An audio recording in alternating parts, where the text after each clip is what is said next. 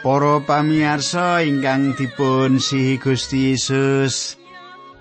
Ha, pinanggih malih kalian panjenengan kateng kula. Terus pundi katebar panjenengan kateng kula pawartos panjenengan saya-saya to sedaya to. Nggih.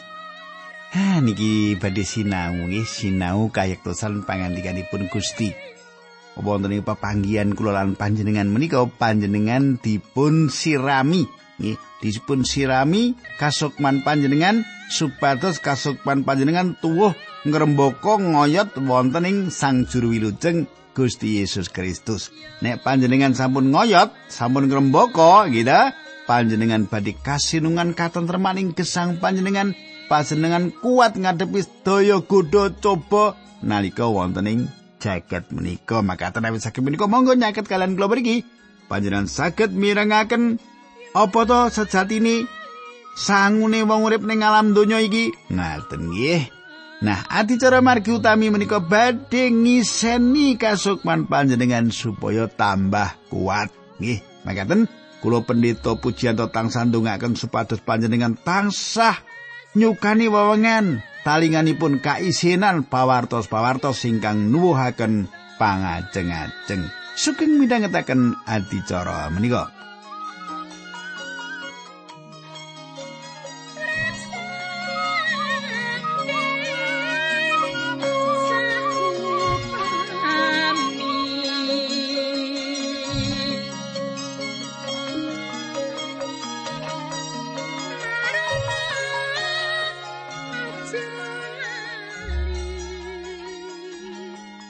Sampun matur dhateng panjenengan, samenika panjenengan bikak kitab suci panjenengan nggih menika wonten ing satunggal Korinta bab 7 ayat 17 ngantos kawan dosa.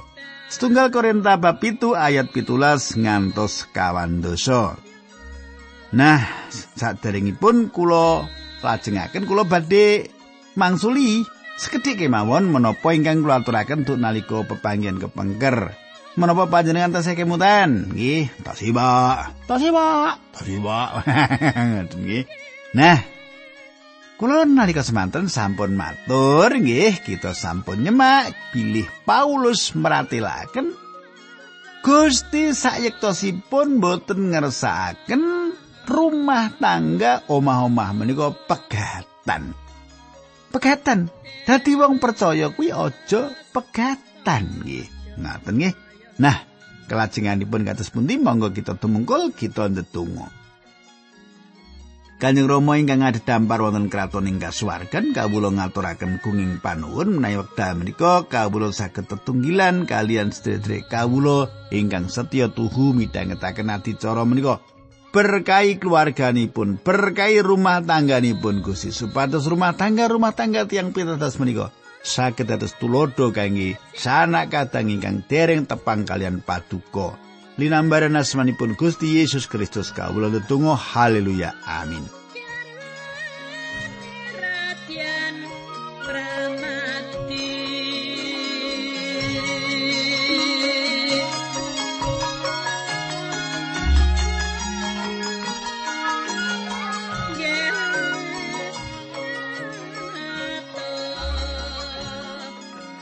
Para pamirsa ingkang kula tresnani, pasinon kita samenika rak sampun mlebet setunggal Korinta bab 7. Kepengker ayat 16 sampun dipun sinau samenika ngancik ayat 17 lan salajengipun ingkang makaten surasipun.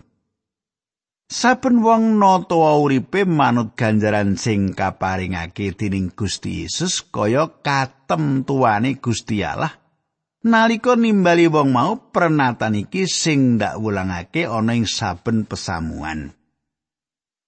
Para pamirsa Paulus nyukani pamrayogi tiang-tiang supados tetep wonten ing kahananipun sakawit. Tiang ingkang sampun mireng lan nampi Injil mboten kenging nilar bebrayanipun. Kakung istri menika kedah tetep sesomahan menawi sisianipun ingkang dereng pitados ngidinaken. Perkawis menika kedah saged jawab pitakenan ing jaman samenika emanipun wonten saperangan pelados lan penginjil ingkang nyukani pamrayogi tiang-tiang ingkang sampun pegatan lan emah-emah malih supados wangsul dumateng sisian ingkang kawitan sasampunipun nampi Sang Kristus. Kita perlu mangertos menapa ingkang dipun pratelakaken Paulus ing mriki. Cobi panjenengan semak ayat 18 19 20. Basa pedinan nggih. Upamane mengkene yen ana wong sing nalika ketimbalan dening Gusti Allah wis tetakan kuwi aja nyoba ngilangi tabete tetakan mau mengkono uga sing nalika ketimbalan dening Gusti Allah durung ditetaki aja banjur ngudi supaya ditetaki. Sebab tetak utawa ora tetak kuwi dudu apa-apa sing perlu saben wong netepono angger-anggere Gusti Allah. Saben wong tetepo kaya ing nalikane katimbalan dening Gusti Allah. Para pamirsa, Paulus njembaraken trap-trapan watonan menika. Watonan menika dipun trapaken ing salebetipun gegayutan sanes ing salebeting gesang. Upaminipun menawi panjenengan kalebet tiyang ingkang sunat ingkang kula kajengaken menawi panjenengan tiyang Yahudi ampun nyobi dados tiyang sanes Yahudi. Menawi panjenengan menika tiyang sanes Yahudi ampun nyobi dados tiyang Israel. Upaminipun menawi panjenengan kalebet tiyang ingkang sunat ingkang kula kajengaken menawi panjenengan tiyang Yahudi ampun nyobi dados tiyang sanes Yahudi. Menawi panjenengan menika tiyang sanes Yahudi ampun nyobi dados tiyang Israel. Sunat utawi mboten mboten malih penting. Ingkang dados perkawisipun inggih menika gegayutan kados pundi kita mbangun turut dumateng Sang Kristus. Bangsa Yahudi lan bangsa sanes Yahudi inggih menika satunggal ing salebetipun Sang Kristus. Saripatinipun ing mriki menapa kemawon panjenengan lan sinten kemawon panjenengan panjenengan manggihaken sinten to panjenengan menika ing wekdal panjenengan nampeni Sang Kristus lan panjenengan kedah tetep wonten ing kahanan menika. Kulo tepang sawetawis usahawan ingkang mlebet ing salebetipun sawetawis organisasi Kristen. Sasampunipun gesangipun karibah lan ingkang salajengipun kula mangertos usahawan-usahawan menika manggi kula lan janjang. Usahawan menika badhe nilaraken anggenipun bisnis lan badhe nindakaken pakaryan-pakaryan Kristen sawetahipun wekdal. Para pamirsa. Menawi panjenengan badhe dados tiang bisnis ingkang kasil, saged ugi Gusti Allah panci maringi panjenengan ganjaran kasukman supados ngladosi ing bagian ingkang mligi. Panjenenganipun saged ugi mboten ngersakaken panjenengan ribah lan nindakaken pakaryan Kristen wekdal sawetahipun. Monggo kita lajengaken kanthi nyemak menapa ingkang dipun sanjangaken Paulus.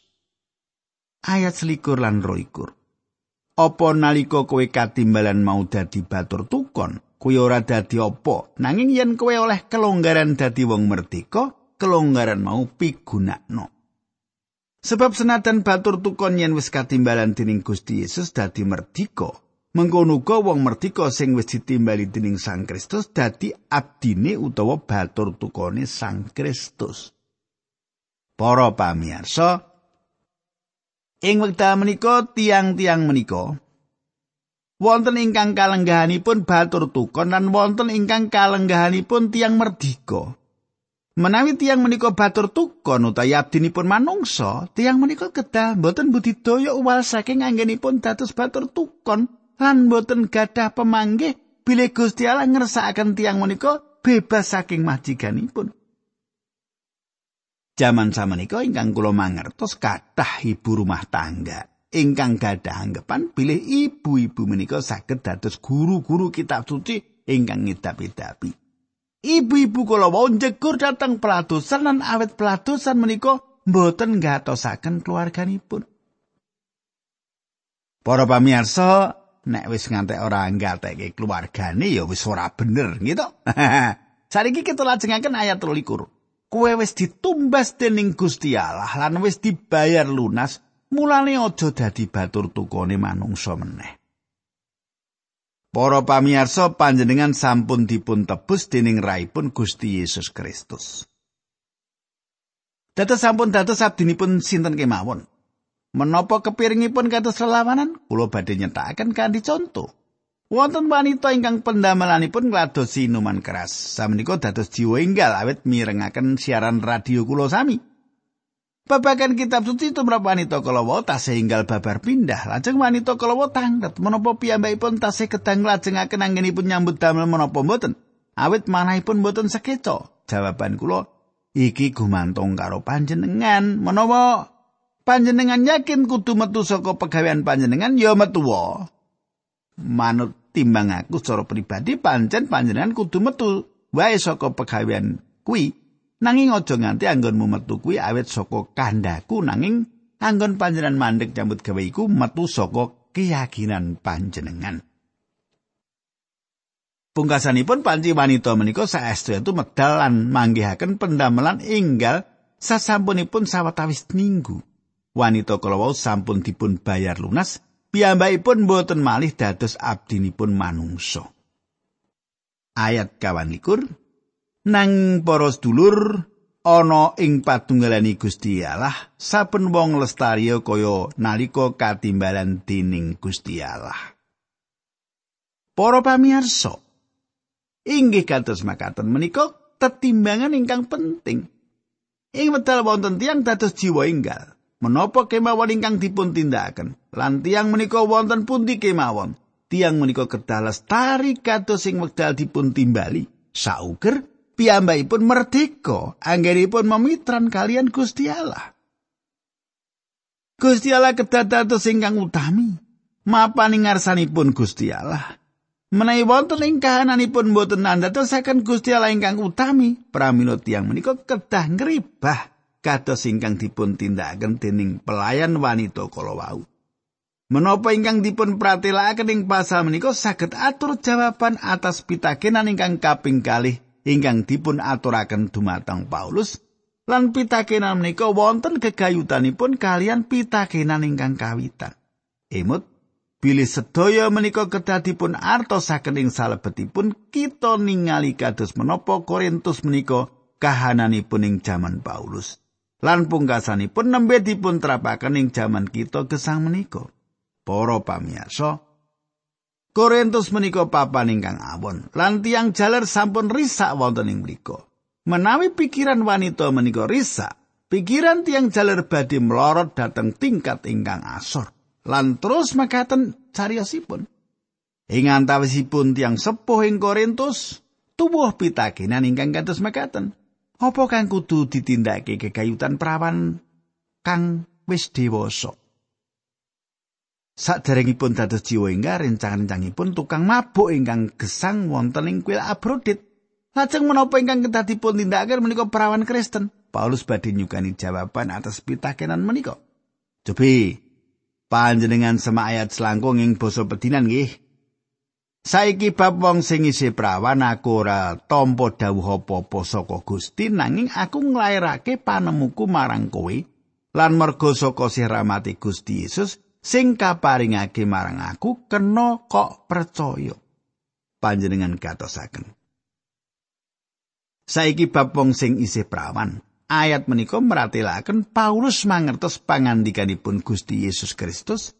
Lan menapa ingkang dados penggalipun Gusti. Nanging ing mriki piyambakipun nyukani keterangan babagan perawan, nanging piyambakipun boten manggihaken pangandikanipun Gusti. Menapa ingkang dipun pratelakaken menika aku ora tampa dawuh apa-apa saka Gusti, nanging aku nglairake panemuku marang kowe. Piyambakipun nyukani menapa ingkang dados pikiranipun minangka jejeripun hakim ingkang wasis awit sih kadarmanipun Allah lan Paulus gadah kekajengan setya dumateng Gusti Allah. Kadi tembung sanes Paulus gadah kawasisan minangka jejeripun hakim kados dene ingkang dipun pratilaken dumateng pasaman ing Korintus ing pasal 6. Samenika bab itu ayat 6 likur ngantos pitu likur. Wah wis nyelot adoh gitu. Makatan surasipun. Manut panemuku ngelingi saking kasusaning jaman saiki luwih becik yen wong lanang tetepo kaya kaanane saiki. Yen kowe wis omah-omah, kowe aja megat omahmu dene yen durung aja omah-omah. Para pamirsa, ngelingi saking kasusaning jaman saiki. ingkang dipun pratilaken menika kahanan ingkang gegirisi ing Korintus lan manut Paulus kahanan menika mboten badhe kelajeng-lajeng. Wonten sederek ingkang tanglet dumateng kula, menapa manut Bapak panra ing kasusilan ingkang tanpa wates lan panra hukum ing negari kita menika badhe kelajeng-lajeng. Menawi menika terus, pramila badhe ngebrukaken rumah tangga, rumah tangga kita lan ngrisak bangsa kita. Inggih kados makaten menika tundhonipun cupi semak menapa ingkang dipun pratilaken Paulus. Wonten ing kahanan ingkang kados makaten, Paulus meratilaken awit panjenengan sowan datang Sang Kristus menawi ing wekdal menika panjenengan kacancang kalian istri panjenengan inggih kedahipun tetep kados makaten. Tetep kados makaten. Menawi istri panjenengan dereng wilujeng tetep setya kalian pun sak dangu dangunipun. Menawi panjenengan dereng emah-emah awit kahanan kasisan awit panrak kasusilan ingkang gegirisi ingkang dumados wonten ing mriki, langkung saya menawi panjenengan tetep piyambakan. Paulus meratelaken menapa ingkang dados pamanggihipun. Ayat 22. Dene yen kowe omah-omah kowe ora dosa, mengkono uga yen ana prawan omah-omah kowe ora dosa. Aku mung kepengin njaga supaya kowe aja nganti padha ngalami karepotane wong sing padha omah-omah. Para pamirsa, sampun tentu emah-emah menika mboten dosa. Nanging tiyang ingkang nyancang badanipun ing talinipun gesang bebrayan kedah wonten ing kahanan ingkang ngremenaken. Paulus mbudidaya nyelametaken gesang bebrayan saking masalah ageng. Jaman samenika kita ningali kathah prauling bebrayan ingkang kerem. Malah menika dumados ing antawisipun tiyang Kristen ingkang dumados nedahaken bilih kita wonten ing kahanan sisa ing jaman samenika. Paulus nglajengaken pirembakipun kegayutan perkawis sanesipun sesarengan pasaman ing Korinta sedayanipun ningali wekdal kasusan menika. Cekakipun wekdal kahanan ingkang mepet lan kados bunti tiang siap ing wekdal samenika Paulus nyebataken gangsal perkawis ingkang penting ingkang boten saged dipun singkiri lan ingkang limrah dipun lampahi umat manungsa ing jagat menika. Paulus ngrembak perkawis emah-emah kasangsaran kabingahan dedagangan lan gegayutan kalian jagat umumipun. Para pamirsa emah-emah inggih menika perkawis kawitan ingkang dipun rembak. Tundhonipun tiang ingkang emah-emah Paulus sanjang mesti wae sah wong omah-omah kuwi nanging eling mesti kowe bakal ngadepi masalah. Lan tiang-tiang menika pancing ngraosaken makaten ing salebetipun nuturi para nem-neman. Kula nyobi nyukani pamrayogi dumateng muda-mudi bilih mongso ngemu watak tresno badhe ical. Menawi kontrak griya wulan kawitan sampun telas, artos simpenan boten cekap, panjenengan kedah pitados katresnan menika tentu badhe mabur tebih. Ayat 29, karepku mengkini. Para sedulur, wektune mung kari sedilo, mulane wiwit saiki wong lanang sing omah-omah urip kaya wong sing ora omah-omah. Para pamirsa, Paulus ugi meratelaken kejawi wekdalipun mepet, pesaman menika kedah ngutamekaken Gusti Allah. Menawi panjenengan sampun emah-emah, menapa saged panjenengan gadah patrap kados-kados dereng emah-emah kanthi makaten panjenengan saged ngutamekaken Gusti Allah. Ayat 3 dosa. Wong sing nangis dikaya wong sing ora sedih, wong sing guyu dikaya wong sing ora bunga atine, wong sing tetuku dikaya wong sing ora duweni barang sing dituku mau. Para pamirsa. Wong sing nangis dikaya wong sing ora sedih. Menapa kasangsaran gesang? Menapa ingkang dumados sing gesang malangi panjenengan ing salebetipun lelados Gusti Allah? Nggih. Wong sing guyu dikaya wong sing ora bungah atine. Menapa ing kanan kabingan panjenengan tundhonipun ngrisak kegayutan panjenengan kalian Gusti Allah? Kados ingkang dumados sing tiang-tiang sanes.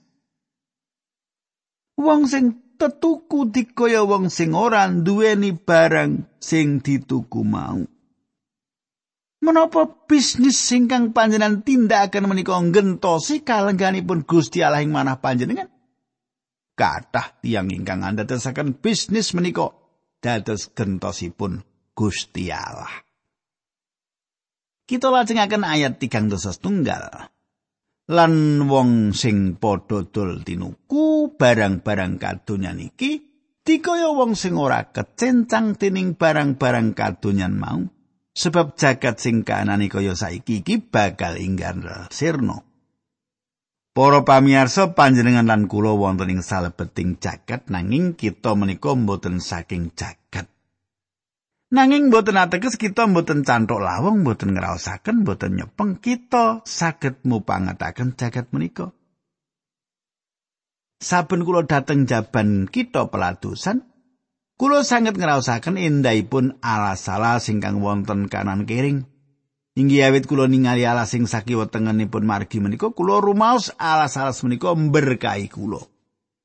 Nanging kula mboten sujud lan manembah dumateng wit-witan ing alas menika. Kita saged mupangataken menapa-menapa ingkang wonten ing jagat menika nanging mboten kenging dipun salah ginakaken. Kita mboten kenging gentosi Gusti Allah kalian barang-barang menika. Sebab jagat sing kaanane kaya saiki iki bakal enggal sirna. Menapa barang kadonyan menika badhe nguwaosi panjenengan utawi Sang Kristus ingkang nguwaosi gesang panjenengan. Inggih menika ingkang dipun rembak Paulus samenika piyambakipun wangsul ing pirembaganipun babakan emah-emah. Ayat tigang dosa kali. Pengarep-arepku kowe bisa urip tanpa sumelang. Wong lanang sing ora omah-omah bisa nglakoni ayahane Gusti kelawan bebas lan gawe renani penggali Gusti. Para pamiyarsa, Paulus sing ayat menika nyukani tetinggalan ingkang dumados saben dinten.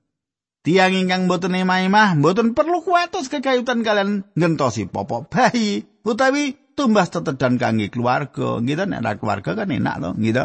Ora usah bingung kebutuhane anak, gitu. Piyambakipun saged nyukani wekdalipun kangge perkawis-perkawis ingkang kegayutan kalian Gusti Allah. Ginakaken wekdalipun. Ayat dosa tiga. Nanging wong sing sesomaan kuwi kacencang dening perkara-perkara kadonya niki sebab wong mau kudu gawe senenging atine sing wadon. Para pamirsa tiang jalar ingkang sampun emah-emah mbudidaya ngremenaken semahipun. Perkawis menika wajar dan limrah lan Paulus mboten klintu kegayutan kalian prateranipun. Ayat tigang dosa sekawan, tigang dosa kangsal. Mergo mengkono pikirane mrono mrene lan wong wadon sing ora omah-omah utawa para perawan bisa ngelengake pikirane kanggo pakaryane Gusti mergo arep masrahake saranduning jiwa lan ragane nanging wong wadon sing omah-omah mikirake perkara-perkara kadunyan merga kepengin gawe senenging ngatine sing lanang. Nggonku pitutur mangkono mau murih becikmu dhewe ora merga aku kepengin gawe larangan-larangan kanggo kowe, malah karepku supaya kowe padha nglakonana penggawe sing bener lan becik bisa nyaosake uripmu kanthi wutuh kanggo ngladosi pakaryane Gusti. Para pamirsa, Paulus kanthi cetha meratelaken bilih ingkang penting inggih menika ngutamekaken Gusti Allah. ngutamekaken Gusti Allah menika satunggalipun perkawis ingkang nemtokaken tumrap tiyang ingkang kacancang ing salebetipun gesang bebrayat. Kula mboten merduli sinten panjenengan utawi kantos sepinten tingkat kasukman panjenengan. Panjenengan saged mawas badan panjenengan piyambak pramila gesang bebrayan menika satunggalipun bebrayan ingkang mboten kados ingkang kita angen. Paulus meratelaken malih pilih menawi piyambakipun menika saged nderek Gusti tanpa wonten gangguan. Ayat 3 dosa songo. Wong wadon sing omah-omah duwe kewajiban tumrap bojone mung selawase sing lanang isih urip. Sawise sing lanang mati wong wadon mau bebas arep omah-omah meneh karo sapa wae sing dikarepake angger kawine mau karo wong pracaya. Nanging manut pangrasaku wong wadon mau bakal luwih bejo menawa tetep ora omah-omah kuwi mau manut panemuku lan dak kira aku kadunungan roe Gusti Allah. Para pamirsa Paulus nyetakaken malih bilih ingkang dipun pratelakaken menika pamanggihipun, pamrayoginipun ingkang penting nggih menika ngladosi Gusti Allah. Ngutamekaken Gusti Allah ing gesang panjenengan. Menawi tiang emah-emah, Gusti Allah kedah dados ingkang utami ing gesang menika. Emanipun kata sangat pasangan Kristen ingkang rukun tiang-tiang menika mboten andatengi sidang pegatan ingkang mboten dadosaken Gusti Allah dados utami. Ing nemtokaken kalenggan beberan panjenengan tetimbangan ingkang penting piyambak mboten wonten menapa ingkang dados pemanggih rencang-rencang Kristen panjenengan utawi kados pundi masyarakat umum ningali panjenengan. Satunggal pitakenan ingkang kedah panjenengan tujuaken dumateng badan piyambak inggih menika kados pundi caranipun ngutamekaken Gusti Allah ing salebetipun gesang menika. Kula sikek semanten rumiyin pamirsa, dilajengaken dinten candhaipun kita ndedonga. Duk pangeran kula sampun martosaken kayektosan saking pangandikanipun paduka. Kawula nyuwun sepatus Gusti berkahi, Gusti mitulungi, Gusti niataken lan dadosaken ngrembaka ngoyoting iman kapitadosan. linambaran asmanipun Gusti Yesus Kristus kawula netunggal haleluya amin